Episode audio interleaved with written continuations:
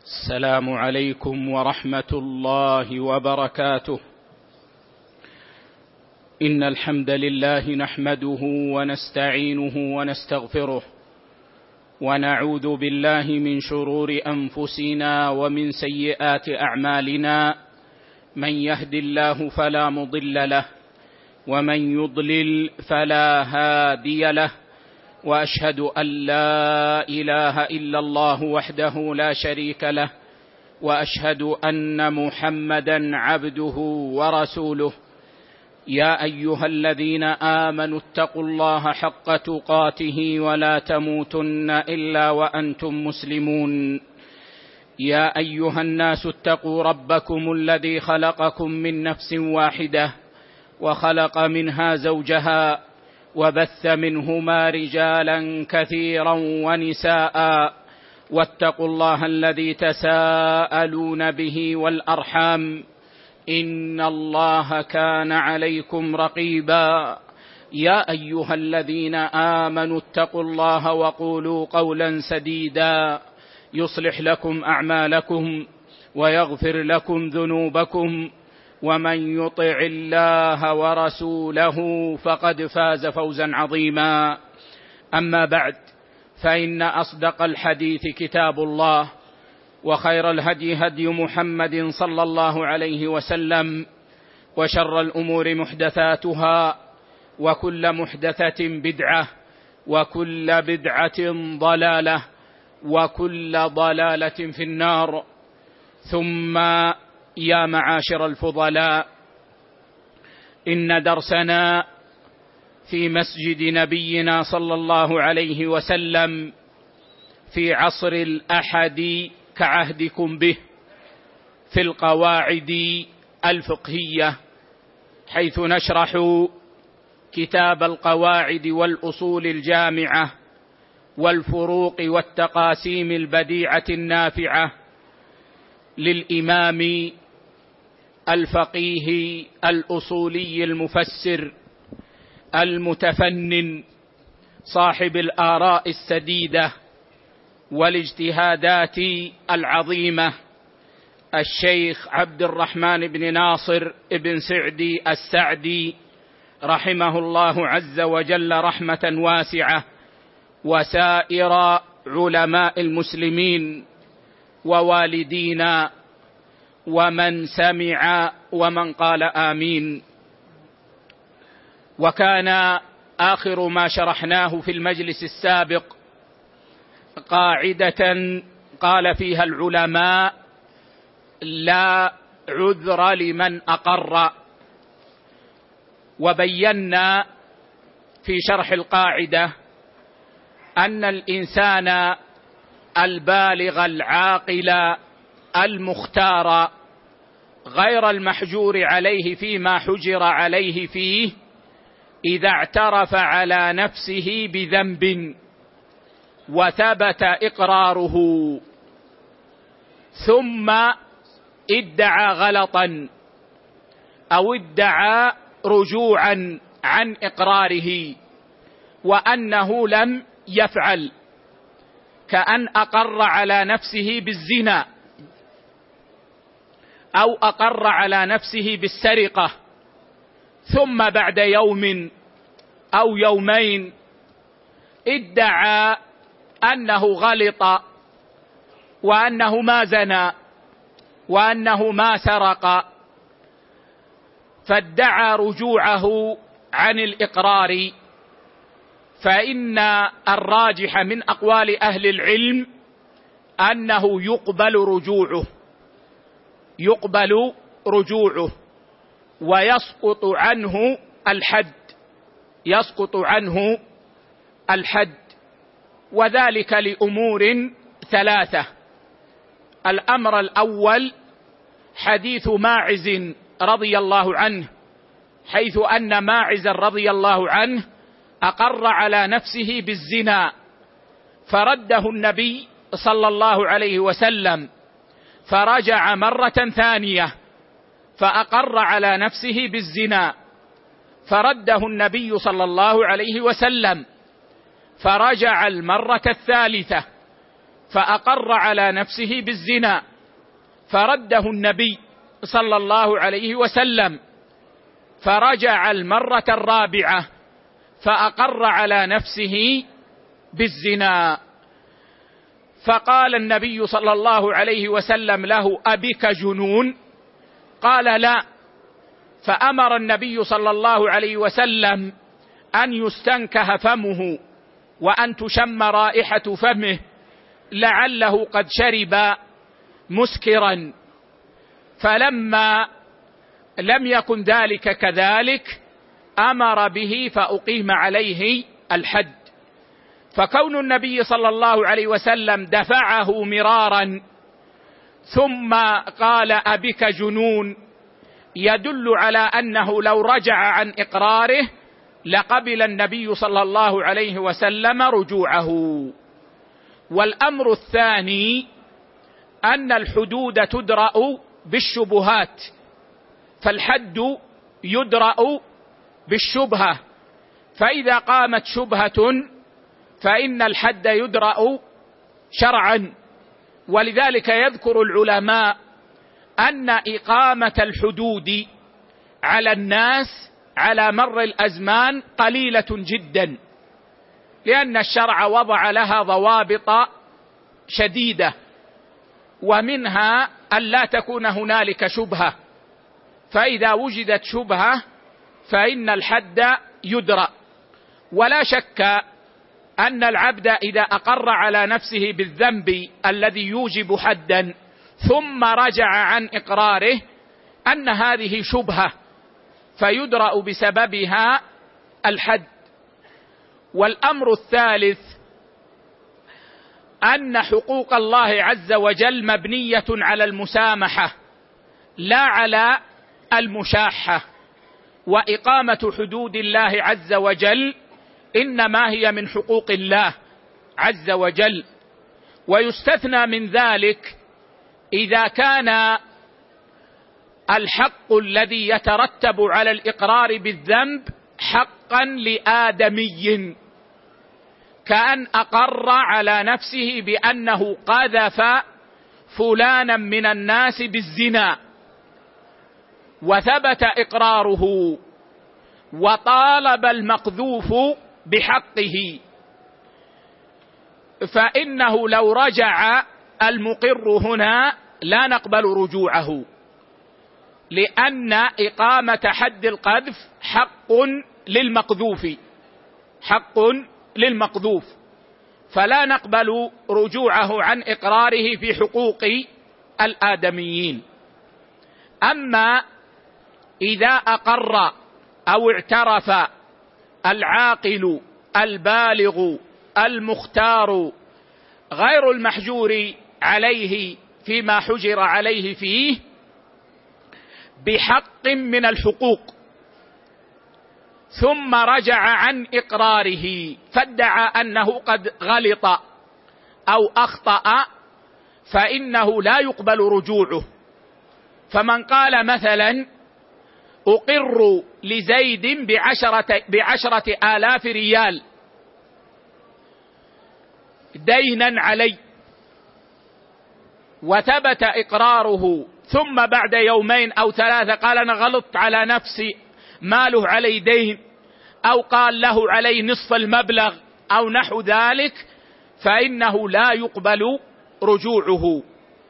لأن الإقرار أقوى البينات المظهرات فإذا ثبت استقر ولا يقبل الرفع في حقوق الناس.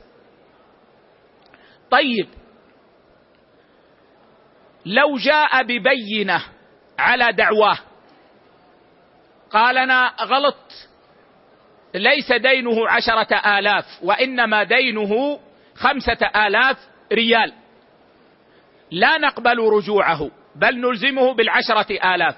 لكن لو جاء ببينة جاء بشهود يشهدون أن له على فلان عشرة آلاف خمسة آلاف ريال.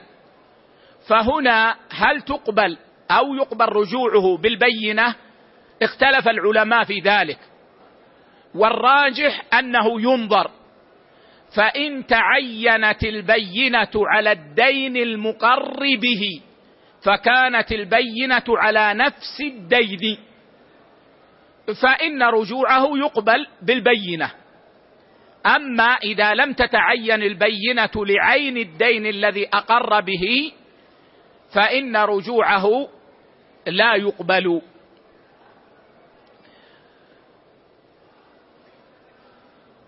متى يقبل رجوعه عن الإقرار إذا صدقه صاحب الحق.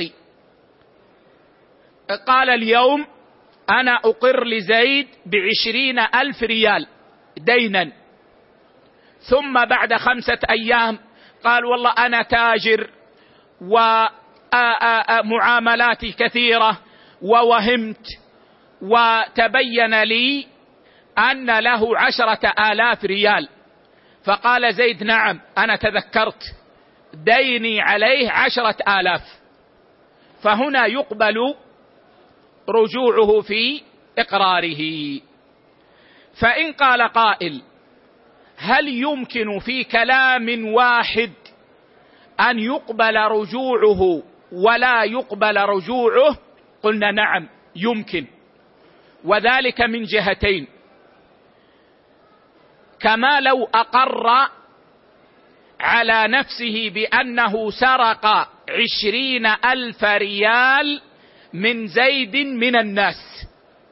أقر على نفسه أنه سرق عشرين ألف ريال من زيد من الناس. ثم رجع عن إقراره. فإنا نقبل رجوعه عن إقراره فيما, يتق... فيما يتعلق بالحد فلا نقطع يده. ولا نقبل رجوعه في إقراره فيما يتعلق بالعشرين ألفا لزيد. فنلزمه بأن يعطي زيدا عشرين ألفا ولكن لا نقطع يده. فهنا تلحظون يا إخوة أنه اجتمع في هذا الإقرار أمران. أمر هو ذنب يوجب حدا وأمر هو حق لادمي فقبلنا رجوعه في إقراره فيما يتعلق بالذنب الذي يوجب الحد ولم نقبل رجوعه فيما يتعلق بحق الآدمي. هذا خلاصة ما شرحناه في آخر المجلس السابق ولم نقرأ ما ذكره الشيخ فنقرأ ما سطره الشيخ رحمه الله ونعلق عليه فيتفضل الشيخ خليل يقرأ لنا. بسم الله الرحمن الرحيم الحمد لله وصلى الله وسلم وبارك على رسول الله وعلى آله وصحبه ومن اهتدى بهداه. أما بعد يقول الإمام ابن سعدي رحمه الله تعالى القاعدة الخامسة والخمسون لا عذر لمن أقر ولو, ولو ادعى غلطا. وذكرت لكم يا إخوة في الشرح أن بعض الفقهاء يذكرون هذا حديثا لا عذر لمن أقر. وقلنا لكم إنه لا أصل له في كتب السنة فهو ليس حديثا عن رسول الله صلى الله عليه وسلم. نعم. قال رحمه الله تعالى وذلك أن الإقرار أقوى البينات. لا شك أن الإقرار أقوى البينات والبينة هي التي تظهر الحق هي التي تبين الحق والإقرار أقوى البينات لأن الغلط فيها منعدم. الغلط فيها منعدم ما دام أن الإنسان يقر على نفسه فهذا ليس فيه خطأ وإنما هو أمر مجزوم به. نعم. قال رحمه الله وكل بينة غيرها فإنه يحتمل خطأها. كل بينة غير الإقرار فإنها تحتمل الخطأ وإن كان ظاهرها الصواب ولذلك نعمل بها. إذا جاء شاهدان يشهدان بأن البيت لفلان يمكن أن يخطئ ويمكن أن يكذب ولكن الظاهر الصواب والصدق. فنعمل بالشهادة ونلغي هذا الاحتمال. نعم. قال رحمه الله وأما إذا أقر العاقل المكلف على نفسه بحق من الحقوق ترتب على إقراره مقتضاه. نعم إذا أقر العاقل وكما قلنا هذا يخرج المجنون المكلف يعني البالغ آآ آآ المختار. البالغ المختار. وهذا يخرج الصبي ويخرج المكره. ويخرج المكره فإن إقرارهم غير معتبر. ويضاف إلى ذلك إذا لم يكن محجورا عليه. فإن كان محجورا عليه وأقر فيما يتعلق بما حجر عليه فيه فإن إقراره لا يعتبر لأنه متهم. يعني شخص عليه ديون فحجر عليه على ماله من أجل ديون الناس فجاء فأقر بدين جديد بعد أن حجر عليه. فإنه هنا متهم بأنه يريد الإضرار بالذين حجروا عليه. وهذه لها شأن آخر. على نفسه بحق من الحقوق. وقلنا إما أن يقر بذنب وإما أن يقر بحق. لكن الشيخ يتكلم عن الحقوق. ولذلك لم يتعرض لمسألة الحدود. نعم. قال رحمه الله تعالى وأما إذا أقر العاقل المكلف على نفسه بحق من الحقوق ترتب على إقراره مقتضاه. يعني أنه يؤاخذ بمقتضى إقراره. نعم. فإذا أقر لغيره بدين قرض أو ثمن مبيع أو قيمة متلف أو مغصوب أو رهن أو غيره وجب ما أقر به. نعم. ولو قال غلطت أو نسيت لأنه صلى الله عليه وسلم ثبت عنه أنه قال إنما أقضي بنحو ما أسمع. بنحو ما أسمع. فإذا سمعنا إقراره قضينا عليه بهذا الإقرار. والحديث في الصحيحين. نعم. قال رحمه الله وكذلك لو أقر أنه استوفى منه حقه أو أبرأه أو عاوضه عنه. فالإقرار ثابت. يعني إذا أقر إنسان ببراءة ذمة خصمه. ببراءة ذمة خصمه. إما بالمعاوضة وإما برد الحق وإما بالإسقاط.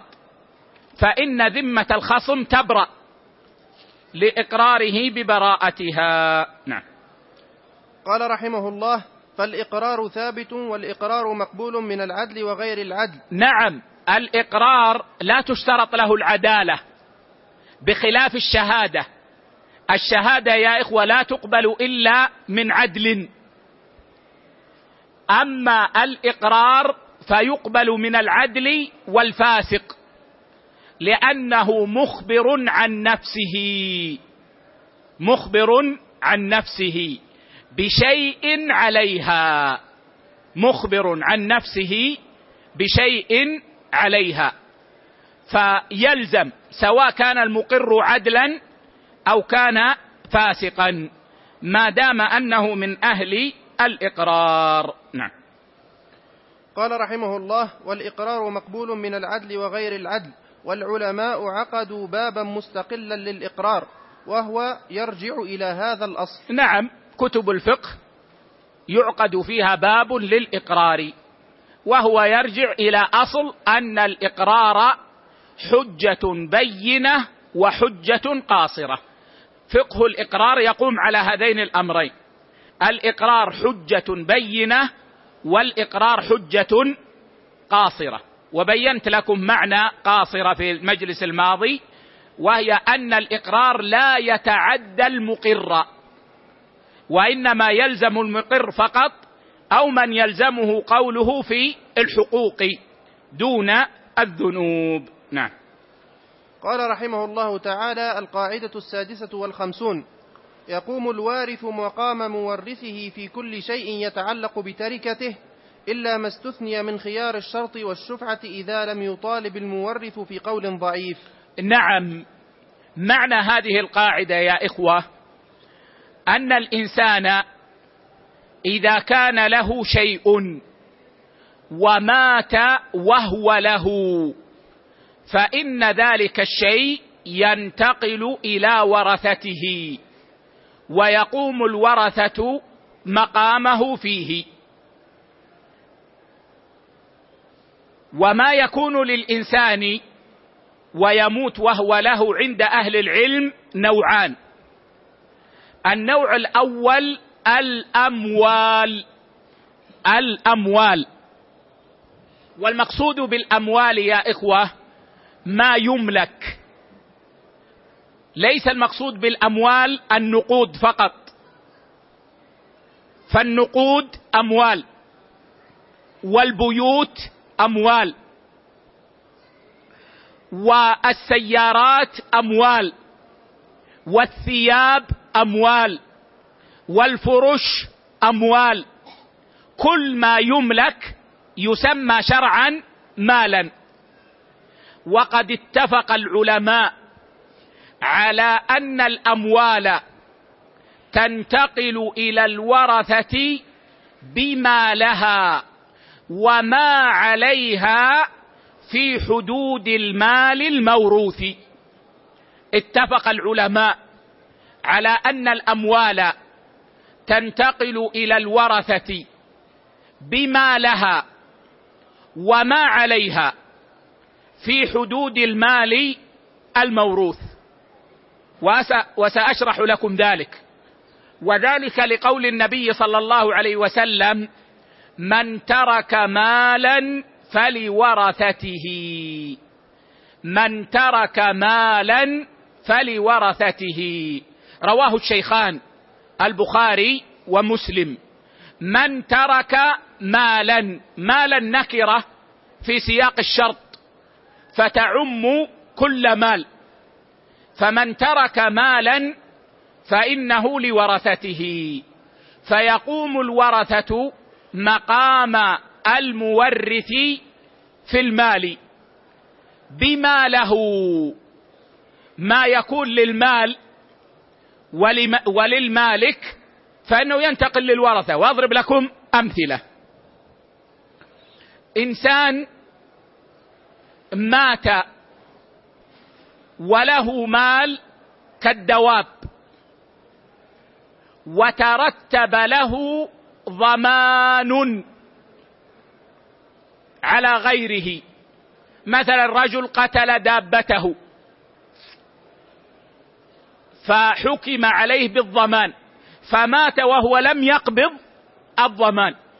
فإن الورثة يقومون مقام المورث في قبض هذا الضمان. رجل مات وكانت له ديون عند الناس. فإن الورثة يقومون مقام المورث في هذه الديون ويطالبون الناس بهذه الديون. لهم المطالبة بها ولهم قبضها. رجل مات وكان ماله في تجارة فربحت التجارة عند موته. فإن الربح ينتقل إلى الورثة ويقوم الورثة مقام مورثهم. هذا فيما له والأمر ظاهر. وفيما عليه يعني ما يلزم المال وما يلزم ما يلزم في المال بشرط أن يكون بمقدار هذا المال. أما إذا زاد عن مقدار هذا المال فإن الزائد لا يلزم الورثة. فإن الزائد لا يلزم الورثة. وأضرب لكم أمثلة. رجل مات وعليه دين مطالب بدين. فإن المال بالدين ينتقل إلى الورثة. فصاحب الدين له أن يطالب الورثة بسداد الدين. ويجب على الورثة سداد الدين بشرط الا يزيد الدين على المال الذي تركه المورث. يعني عليه دين عشرون ألف ريال وقد ترك مئة ألف ريال. فإن الدين ينتقل إلى الورثة ويطالب الورثة بسداد عشرين ألف من المئة ألف التي تركها المورث. طيب. ترك مالا يبلغ بمجموعه مئة ألف ريال. ويطالبه شخص بدين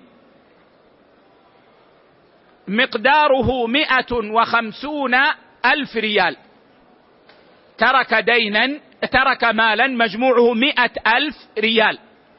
ويطالبه شخص بدين مقداره مئة وخمسون ألف ريال. فإن الدين بالمئة ألف ينتقل إلى الورثة. أما الدين بخمسين ألفا فإنه لا ينتقل إلى الورثة ولا يلزمهم سداد الدين. وإن كان من الخير والبركة والبر والإحسان أن يسددوا الدين. شخص مات وكانت عليه دية. كانت عليه دية قتل خطأ. فإن الدية تنتقل مع المال إلى الورثة بشرط ألا تزيد عن مقدار المال. فإن زادت عن مقدار المال فإنه لا يلزم الورثة إلا مقدار المال فقط. أما الزائد فإنه لا يلزم الورثة. إذا النوع الأول الأموال وهي تنتقل إلى الورثة ويقوم الورثة فيها مقام المورث باتفاق العلماء على ما بيناه. والنوع الثاني الحقوق. الحقوق. أن يكون للإنسان حق. ثم يموت قبل استيفائه. وهنا قد اختلف فقهاؤنا. هل تورث الحقوق؟ فيقوم الورثة مقام المورث في الحق أو لا تورث. فالأصل عند الجمهور. المالكية والشافعية والحنابلة أن الحقوق تورث. فيقوم الورثة مقام المورث في الحقوق إلا ما استثني لدليل. ويذكرون في هذا حديثا يقولون إن النبي صلى الله عليه وسلم قال من ترك حقا فلورثته. من ترك حقا فلورثته. قال الحافظ ابن حجر في التلخيص الحبير لم أره. يعني لم أره بهذا اللفظ وقد صدق. فإنه لا يوجد في كتب السنة بهذا اللفظ. وإنما الذي في كتب السنة ما قدمناه. من ترك مالا فلورثته. والشيخ الألباني رحمه الله في إرواء الغليل ذكر هذا اللفظ من ترك حقا فلورثته وقال تحته صحيح. ولعل الشيخ رحمه الله لم يتنبه لللفظ. فظنه من ترك مالا فلورثته أو أن الشيخ اكتفى بالتفصيل لأن الشيخ لما قال صحيح وفصل إنما ذكر لفظ من ترك مالا فلورثته ولم يذكر البته لفظ من ترك حقا فلورثته. هذه فائدة أذكرها لطلاب العلم. في ما ذكره الشيخ ناصر رحمه الله عن الحديث في إرواء الغليل. لا شك أن الحديث بهذا اللفظ لا أصل له في كتب السنة. لكن لما كان حقا يملكه الشخص ثم مات عنه فإنه ينتقل إلى ورثته قياسا على المال. والأصل عند السادة الأحناف أن الحقوق لا تورث. أن الحقوق لا تورث. ولا يقوم الورثة فيها مقام المورث. بل الأصل عند الأحناف أن الحقوق تسقط بالموت. إلا ما استثني لدليل. إلا ما استثني لدليل. والراجح قول الجمهور أن الحقوق تورث. إلا ما استثني لدليل. وأكثر الناس توريثا للحقوق اعني الفقهاء هم المالكية. أكثر القائلين العاملين بتوريث الحقوق هم المالكية ثم يليهم الشافعية ثم يليهم الحنابلة. وقد أشار الشيخ في القاعدة إلى حقين أما الحق الأول فهو حق الشفعة ومعنى حق الشفعة حق الشريك. انتزاع حصة شريكه.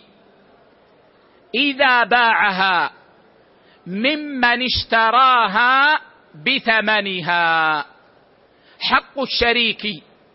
انتزاع حصة شريكه إذا باعها ممن اشتراها بثمنها. يعني أنا وأنت شركاء في بيت. فبعت أنت نصيبك لزيد من الناس. فإن من حقي أنا أن أنتزع نصيبك من زيد. بدون رضاه لكن بالثمن. طيب. لو أن شريكا استحق الشفعة فمات. هذا حق. هل يورث أو لا يورث؟ والحق الثاني خيار الشرط. ومعنى خيار الشرط هو اشتراط أحد المتعاقدين لنفسه الخيار. إما البائع وإما المشتري. يشترط الخيار ثلاثة أيام وبعض أهل العلم يقولون ما يزيد على ثلاثة أيام. والراجح أنه يزيد. طيب اشترط الخيار لنفسه ثلاثة أيام. ومات بعد اليوم الأول. فهل يقوم الورثة مقام المورث في خيار الشرط؟ هل يورث خيار الشرط اختلف العلماء في حق الشفعة وفي حق خيار الشرط هل يورث وهل يقوم الورثة مقام المورث فيهما. فذهب المالكية والشافعية إلى أنهما يورثان فمن حق الورثة الشفعة. ومن حقهم خيار الشرط. يقولون لأنه أصل تعلق بالملك لأنه حق تعلق بالملك فيورث.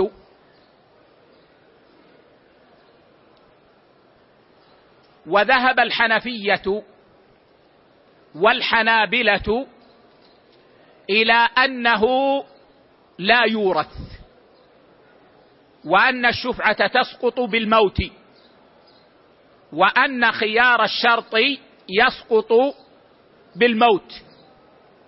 قالوا لأنه حق اختيار وشهوة وهي تنقضي بالموت. يقولون هذا حق اختيار للشريك وشهوة وإرادة. وهي تنقطع بالموت. واستثنى الحنابلة حالتين.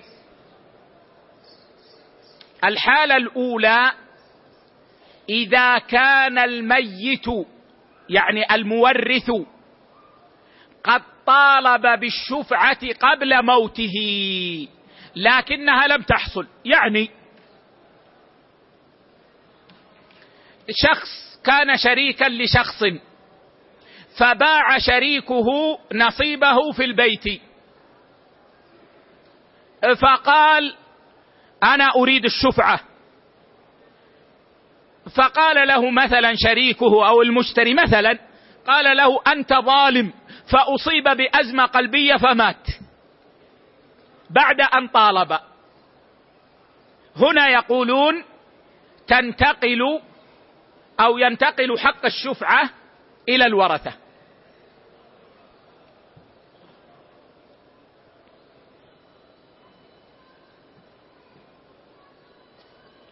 والحالة الثانية إذا أشهد على حقه في الشفعة وأن له المطالبة ولو لم يطالب. يعني قال للناس اشهدوا. شريكي باع نصيبه وأنا لي الحق في الشفعة ولي الحق أن أطلب. فمات قبل أن يطلب ولكن قد أشهد. يقولون تنتقل الشفعة إلى الورثة. لماذا؟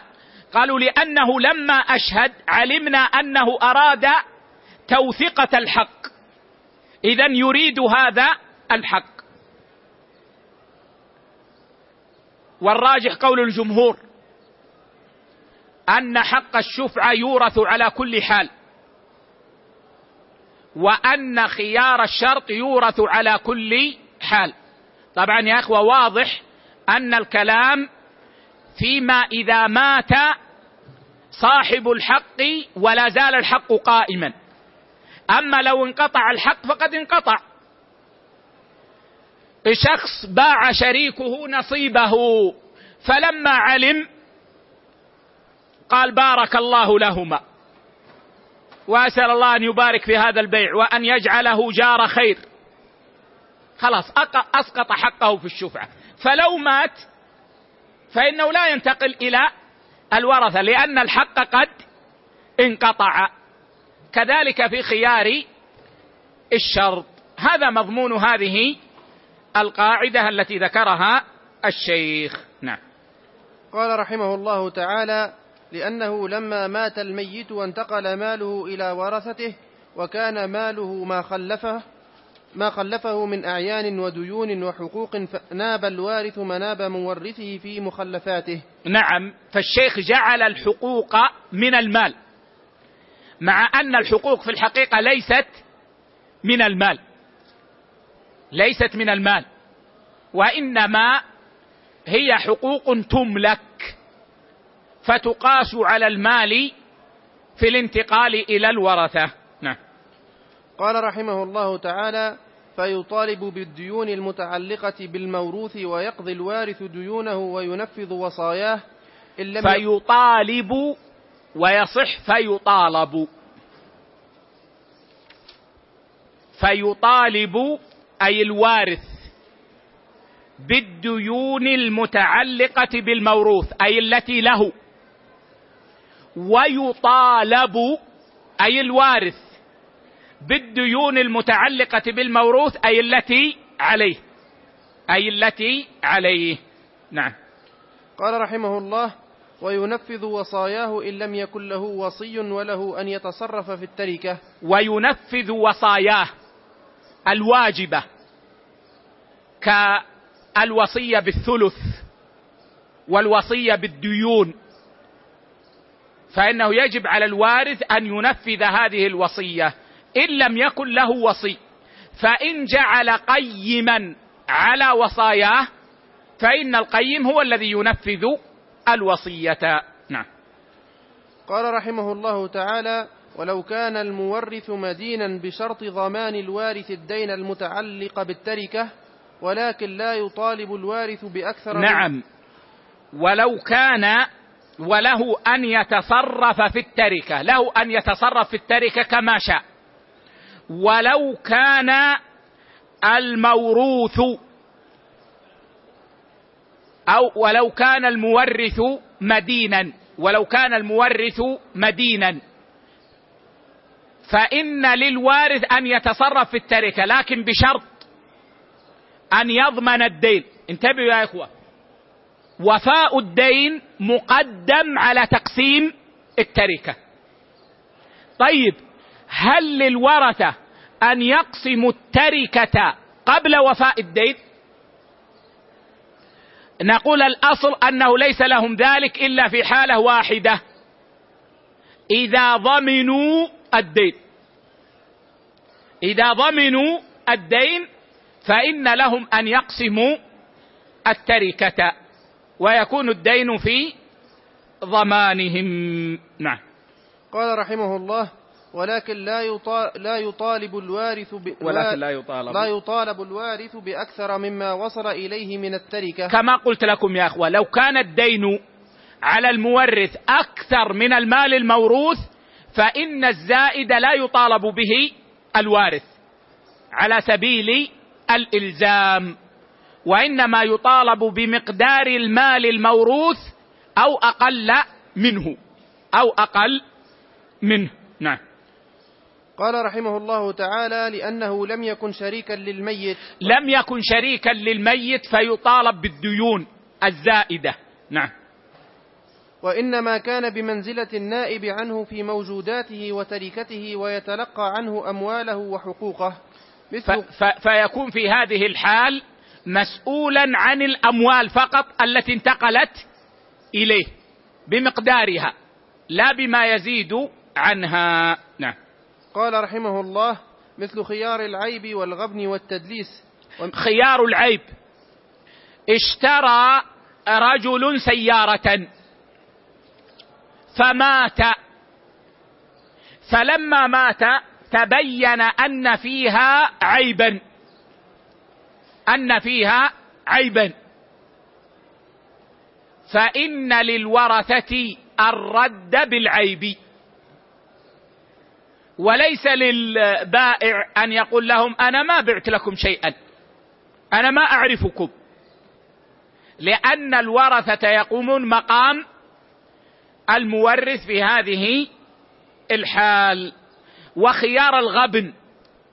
والغبن هو البيع بسعر زائد عن سعر السوق مع جهل المشتري بذلك.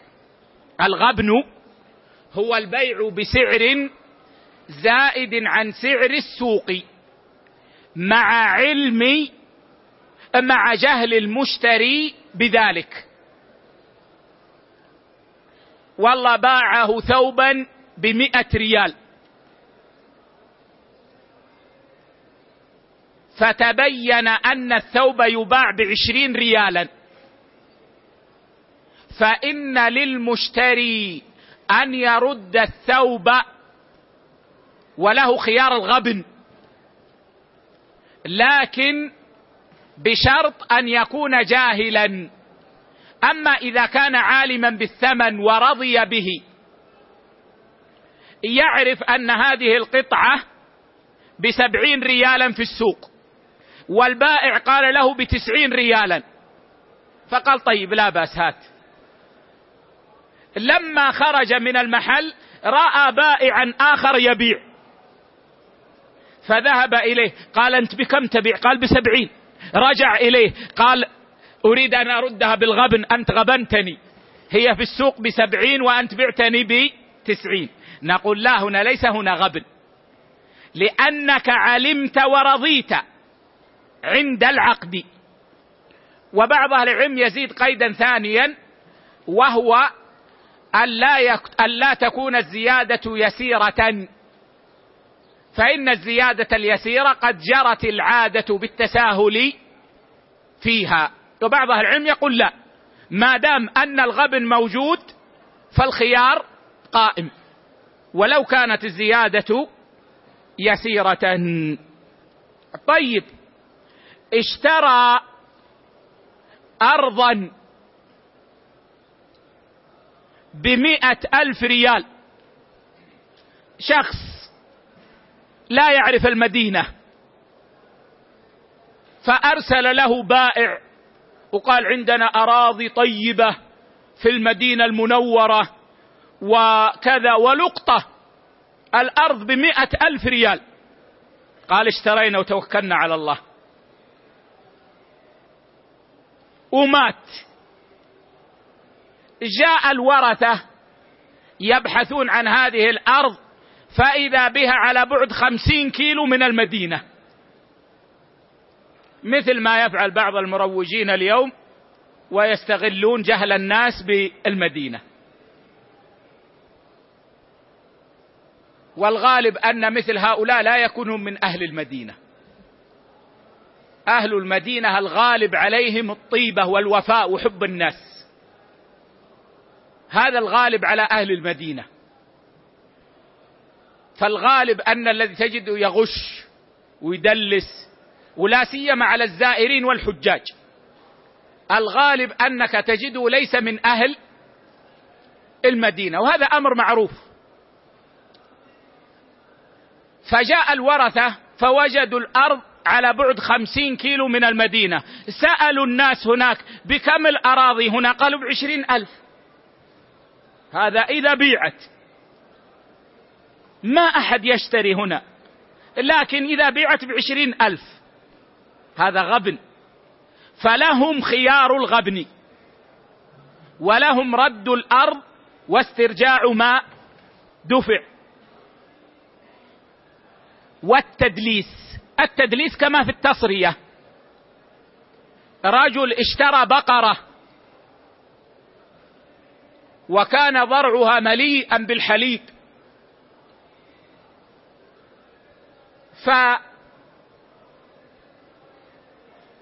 فمات في اليوم الذي اشتراها فيه. فتبين للورثة التدليس. فإن للورثة خيار التدليس وأن يردوا البقرة وصاعا من تمر ويسترد المال المدفوع.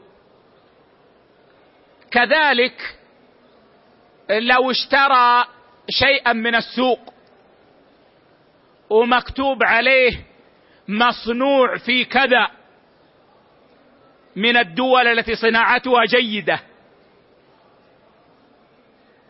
مات بعد أن اشترى هذه السلعة فوجد الورثة أن هذه ورقة ملصقة. لما أزالوا هذه الورقة وجدوا تحت أن هذه مصنوعة في كذا من الدول التي لا قيمة لصناعتها. هذا تدليس. فلهم خيار التدليس. ينتقل إليهم. يرثون هذه الحقوق. نعم. قال رحمه الله تعالى ومثل الرهون والضمانات ونحوها, ونحوها. ومثل الرهون لهم أو عليهم. لهم له دين على إنسان وقد رهن عنده رهنا رهن بيتا فمات. ينتقل الرهن إلى الورثة. عليهم عليه دين مطالب بمال سواء كان عن بيع أو قرض. وقد رهن سيارته عند صاحب المال. فإن الرهن يبقى. وإن كان بالنسبة للدين يجب عليهم السداد فورا. والضمانات لهم أو عليهم. إذا كانت متعلقة بالمال إذا كانت متعلقة بالمال. مثل كفالة الأداء. جاء شخص إلى شخص وقال اقرضني عشرة آلاف. يا شيخ الإيجار والإيجار واقرضني عشرة آلاف وأنا إن شاء الله ستة أشهر وأعطيك العشرة آلاف. قال من يكفلك؟ قال فلان يكفلني. قلت له تكفله؟ قال نعم أكفله. كفالة أداء. قال نعم إذا لم يأتي بالعشرة آلاف بعد ستة أشهر ستدفع أنت العشرة آلاف. قال نعم. ثم بعد ثلاثة أشهر مات. فإن هذا الضمان ينتقل إلى الورثة. فلو جاءت الستة أشهر ولم يأتي هذا بالدين وفر فإن لصاحب الدين أن يطالب الورثة بشرط أن لا يزيد ذلك عن مقدار المال الموروث أو لهم كفالة أداء لمال لهم. طيب يا إخوة لو كان الميت قد كفل أحدا كفالة إحضار ضمنه ضمان إحضار. قال إذا جاء الموعد ولم يأتك أنا أحضره لكن لم يضمن المال. فمات. فإنه ينقطع بالموت. ولا ينتقل إلى الورثة. لماذا؟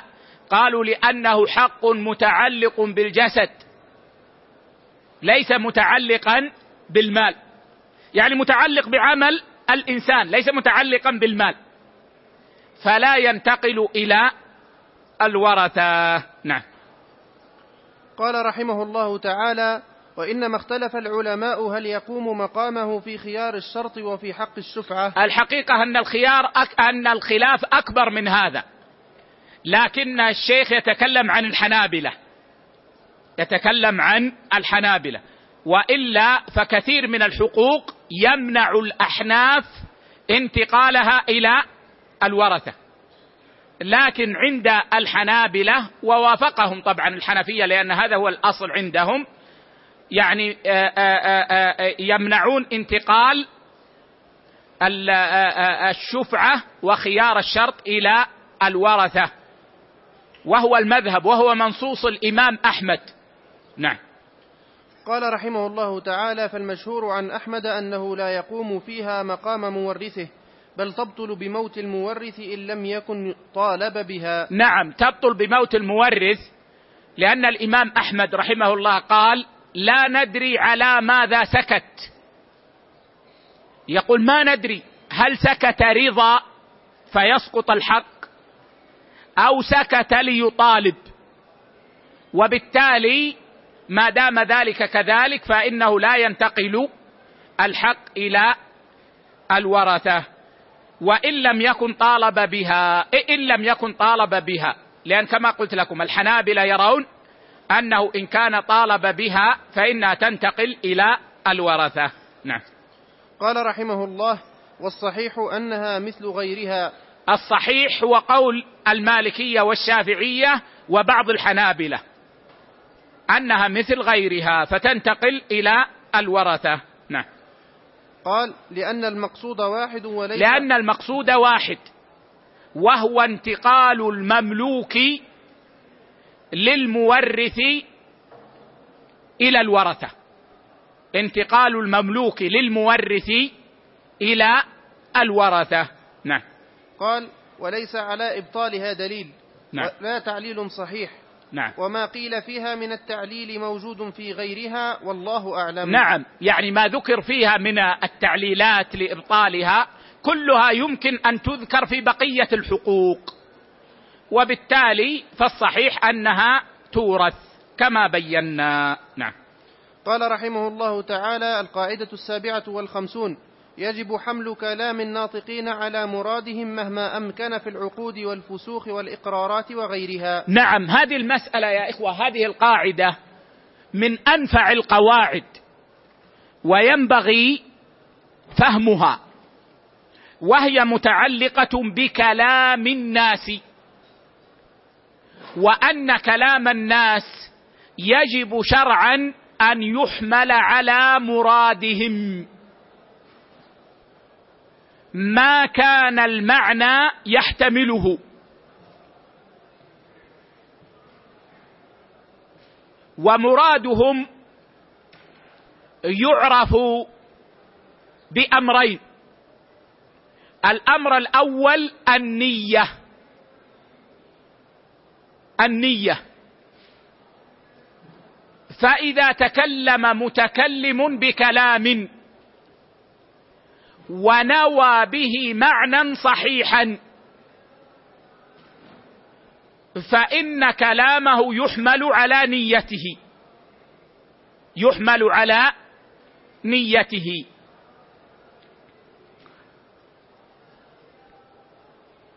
لأن الإنسان أقرب إلى مراده من غيره. ولقول النبي صلى الله عليه وسلم إنما الأعمال بالنيات وإنما لكل امرئ ما نوى. فلو قال إنسان والله لا آكل طعام فلان والله لا آكل طعام فلان. ونوى به ما يمتن عليه به. أي لا آكل الطعام الذي يمتن به علي. فدعاه إلى زواج. وليمة الزواج وليمة العرس. فإنه يجوز له أن يذهب ويأكل من طعامه. لماذا؟ لأن وليمة العرس لا يمتن بها دعوة عامة.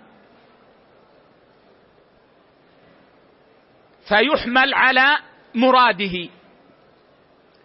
قال والله لا أكلم فلانا اليوم. ونوى بذلك الا يتعامل معه. طبعا لا أكلم الأصل أنها الكلام لكن هو نوى أن لا يتعامل معه. فإن كلامه يحمل على نيته. فلو أهدى له هدية. يحنث. رآه عطشانا فملأ له الإناء ومده. ما قال ولا كلمة. أعطاه. يحنث. لماذا؟ لأنه نوى بكلامه التعميم. فيدخل فيه كل ما يحتمله. يدخل فيه كل ما يحتمله.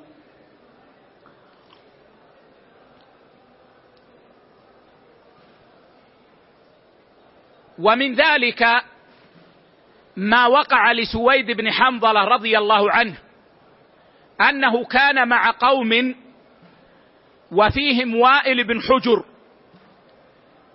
رضي الله عنه. فأخذه عدو له. فتحرج القوم أن يحلفوا. فحلف سويد. إنه أخي. قال والله إنه أخي. طبعا عدو وائل يعرف سويدا ولا يعرف وائلا بعينه. فلما قال له سويد والله إنه أخي أطلقه تركه. فلما أخبر النبي صلى الله عليه وسلم قال له النبي صلى الله عليه وسلم صدقت المسلم أخو المسلم. المسلم أخو المسلم. رواه أبو داود وابن ماجه بإسناد صحيح. فهنا سويد قال والله إنه أخي وحمل كلامه على أخوة الإسلام. فقال النبي صلى الله عليه وسلم صدقت. اذا أول أمر يعرف به مراد الناس ما هو؟ النية. النية.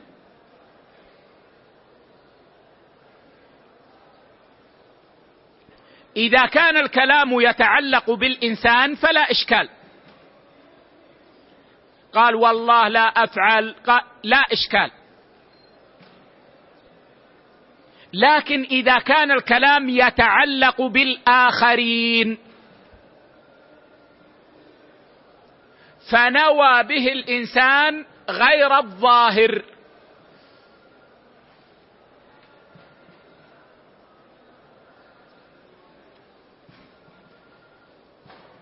فهنا يقول العلماء لا يخلو من حالين. الحالة الأولى أن يكون مظلوما وليس في باب الحقوق. أن يكون مظلوما وليس في باب الحقوق. فهنا يحمل كلامه على مراده ولو نوى خلاف الظاهر. وحديث سويد من هذا الباب. فإن العدو أراد قتل وائل بن حجر وكان مظلوما. فقال والله إنه أخي. ونوى أنه أخوه في الإسلام. فهذا يحمل على مراده. ويذكر أن المروذي أو المروزي تلميذ الإمام أحمد طلبه عدو ظالم له. فجاء فاختبأ في بيت الإمام أحمد. فجاء هذا العدو الظالم يسأل عنه. هل المروذي هنا؟ فوضع الإمام أحمد إصبعه في كفه. وقال إن المروذي ليس ها هنا. وك وماذا يفعل المروذي ها هنا؟ ويقصد في كفه. والله إن المروذي ليس ها هنا. وماذا يفعل المروذي ها هنا؟ يعني في كفه. السامع يظن أنه في البيت. فهذا على مراده لأنه يتعلق بمظلوم وليس في باب الحقوق. الحالة الثانية أن يكون ظالما أو يكون في باب الحقوق. وهنا العبرة بالظاهر لا بالنية. العبرة شرعا بالظاهر لا بالنية.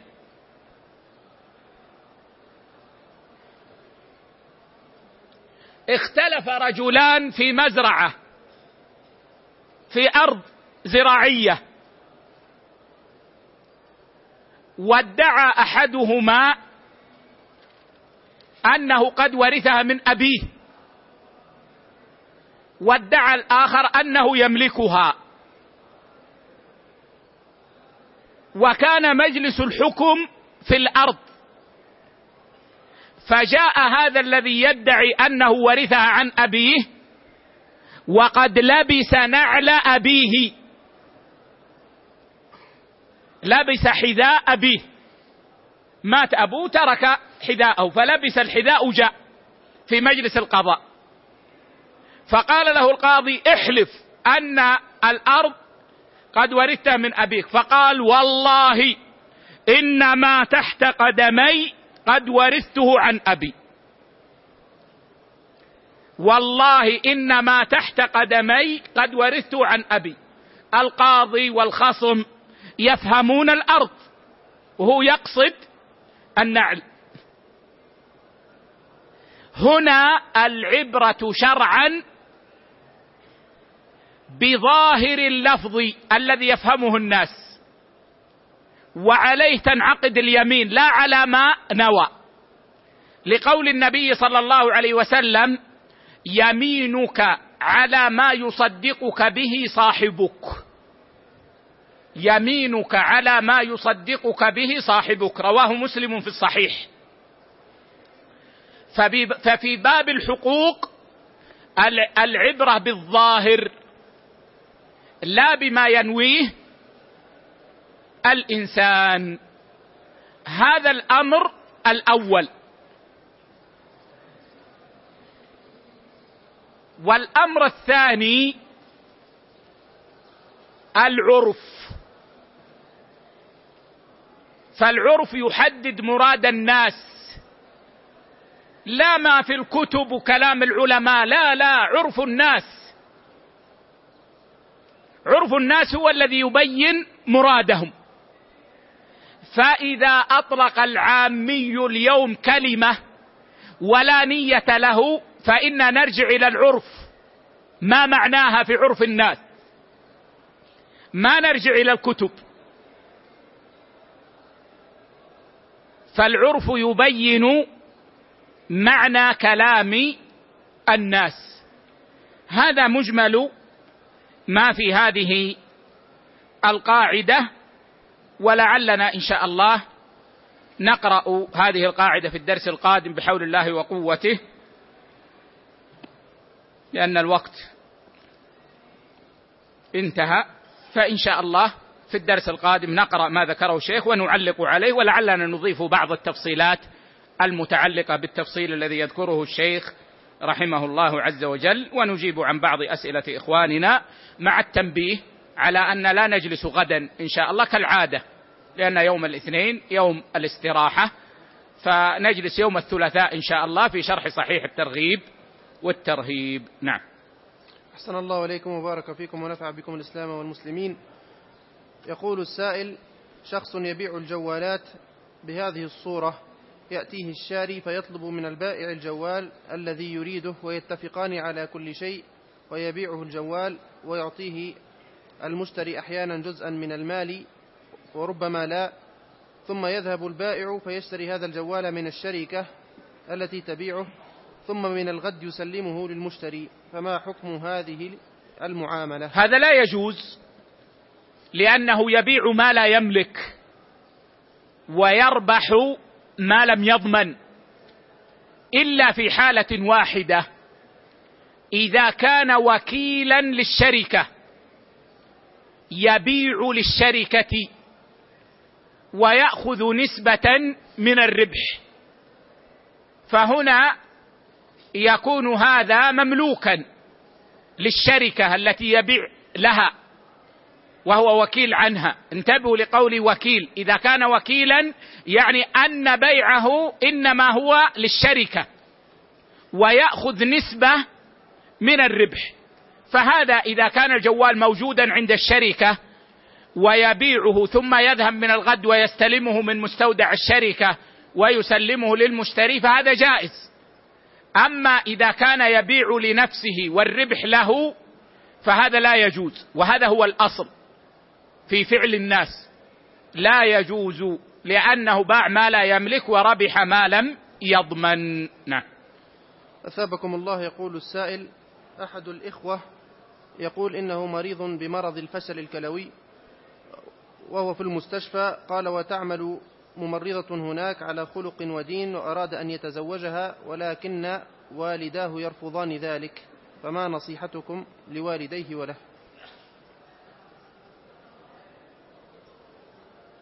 النصيحة له أن لا يدخل النكاح بإغضاب والديه والنساء كثير. والوالدان لا عوض عنهما. فإذا لم يتزوج هذه المرأة فإنه سيجد غيرها من ذوات الخلق والدين لكن إذا غضبت أمه أو غضب أبوه عليه وفارقاه فلا عوض له عن والديه. ولذلك نصيحتي أن يسعى في إرضاء والديه. بهذه المرأة ما دام يشهد لها بالخلق والدين. فإن رضيا فالحمد لله. وإن لم يرضيا فعنها عوض وليس عن الوالدين عوض. وأوصي الآباء والأمهات بعدم تكليف الأبناء ما لا يطيقون. والعمل بالتوجيه الشرعي فإذا كانت المرأة ذات خلق ودين ولا عيب فيها شرعا فليساعد ابن فليساعد ابنهما على الإعفاف والنكاح. نعم. أثابكم الله يقول السائل رجل طاف للعمرة وأتم الطواف ثم في أثناء السعي تخلفت عنه الرفقة وقد سعى شوطا واحدا ورجع للفندق ولبس الثياب ولم يسأل إلا بعد يومين فماذا عليه الآن؟ عليه أن يستغفر الله عز وجل فقد أذنب بهذا الفعل. وكان الواجب أن يكمل عمرته أو أن يسأل ثم عليه أن يعود فورا إلى إحرامه. والأولى أن يعيد الطواف لطول الفصل بين الطواف والسعي ولطول الفصل بين الشوط الذي سعاه وبقية الأشواط التي سيفعلها. فالنصيحة والوصية أن يعيد الطواف ثم يسعى ثم يقصر ليخرج من خلاف العلماء. وإذا كان لم يجامع فلا شيء عليه لأنه جاهل. أما إذا جامع فقد أفسد عمرته ولو كان جاهلا. فيكمل العمره كما قلنا. يعود إلى إحرام فورا ويكمل عمرته الفاسدة. ثم يخرج إلى الحل ويحرم بعمرة جديدة قضاء ويذبح شاة في مكة توزع على فقراء الحرم. هذا إذا كان قد جامع. أما إذا كان لم يجامع فلا شيء عليه.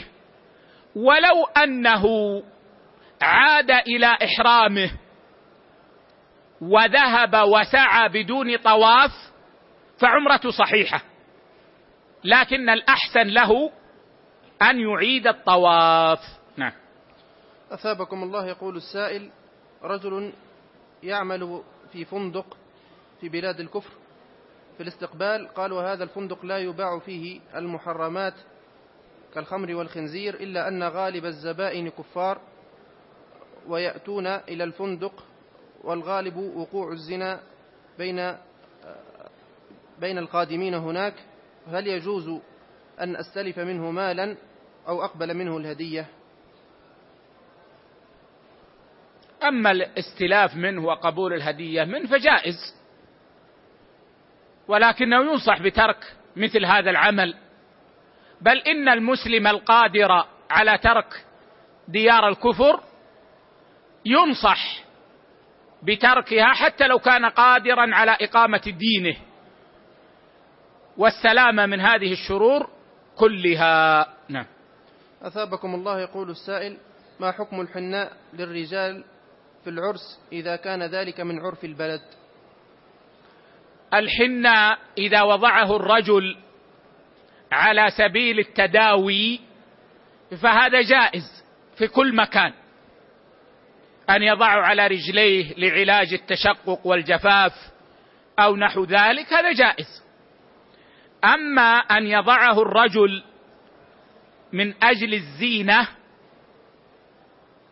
فالأصل عدم جواز ذلك. لأن الحناء من زينة النساء. لكن إذا كان الإنسان في بلد جرت العادة فيه أن الرجل يضع الحناء ويتزين به وليس هذا من خصائص النساء فلا بأس أن يضع الحناء هناك. نعم. سلمكم الله يقول السائل هل يجوز أن أقسم التركة على أبنائي وأنا حي؟ أما الجواز فيجوز إذا قسمت بالعدل الذي شرعه الله. فقسمت التركة وأنت حي كقسمة الميراث سواء بسواء. وأوصيت لمن شئت إذا كان الثلث فأقل. أو أعطيت من شئت من غير الورثة. لكن الأولى أن تترك ذلك. فإنك لا تدري ما يكون. فإن القلوب قلابة. وقد تعطي أولادك والورثة التركة. فتتقلب قلوبهم عليك وقد يهجرونك وقد يرمونك في مكان ونحو ذلك. وقد ترزق بوارث جديد والله أعلم. فلله الحكمة البالغة. فالأحسن أن تترك الأمر كما أمر الله كما شرع الله. فإذا مات الميت قسمت التركة. لكن لو أن إنسانا قسم تركته بين جميع ورثته بالقسمة الشرعية فإنه ما فعل حراما. ما فعل حراما بل يجوز هذا. نعم. أحسن الله إليكم. هذه سائلة تسأل تقول تزوج علي زوجي زوجة, زوجة ثانية وأنا عندي منه أطفال وقد خيرته بين أن يطلق الزوجة الثانية أو يطلقني مع العلم أنها ليست ملتزمة ومتبرجة فما حكم فعلي؟ بارك الله فيكم. هداك الله وأصلح قلبك. ما دام أن الرجل تزوج فما فعل جرما ولا فعل خيانة كما يصوره أهل التمثيل وأهل الفسق المجرم الخائن. فإنه فعل مأذونا له فيه شرعا. فاصبري. ولا يجوز للمرأة أن تطلب الطلاق من أجل أن زوجها تزوج عليها إلا إذا كرهته وخافت ألا تقيم حدود الله. وهذا يحتاج أن تصبر حتى يتبين لها هذا. وليس عند الصدمة الأولى. فإذا كرهته كرها وأصبحت تخاف الا تقيم حق الله أي حقه معه الذي شرعه الله له فإن لها اذ ذاك أن تطلب الطلاق أو الخلع. أما عند عدم ذلك فلا يجوز. ولا يجوز لها أن تطلب طلاق ضرتها ولا يجوز أن تخيره. فإن هذا حرام ومنكر بل وكبيره من كبائر الذنوب. فليس لها أن تسلط قوتها على ضرتها لكي يطلقها زوجها. وتس و و و تتقوى عليها بالأولاد. فإن هذا لا يجوز. لا من الأولى ولا من الثانية. لا يجوز للثانية أيضا أن تستغل صغرها في تكريهه في امرأته وطلبه وطلبها أن يطلق الأولى. فإن هذا أيضا حرام ومنكر. ومن كبائر الذنوب. فنحن نوصي النساء إذا تزوج الرجل أن تصبر المرأة وأن تحتسب وتبقى في بيتها وبيت زوجها مع أولادها ولا يجوز لها أن تطلب الطلاق إلا في الحالة التي ذكرناها.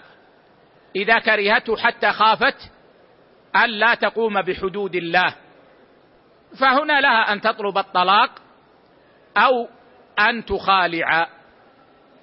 وليس لها أن تطلب من زوجها أن يطلق ضرتها. نعم.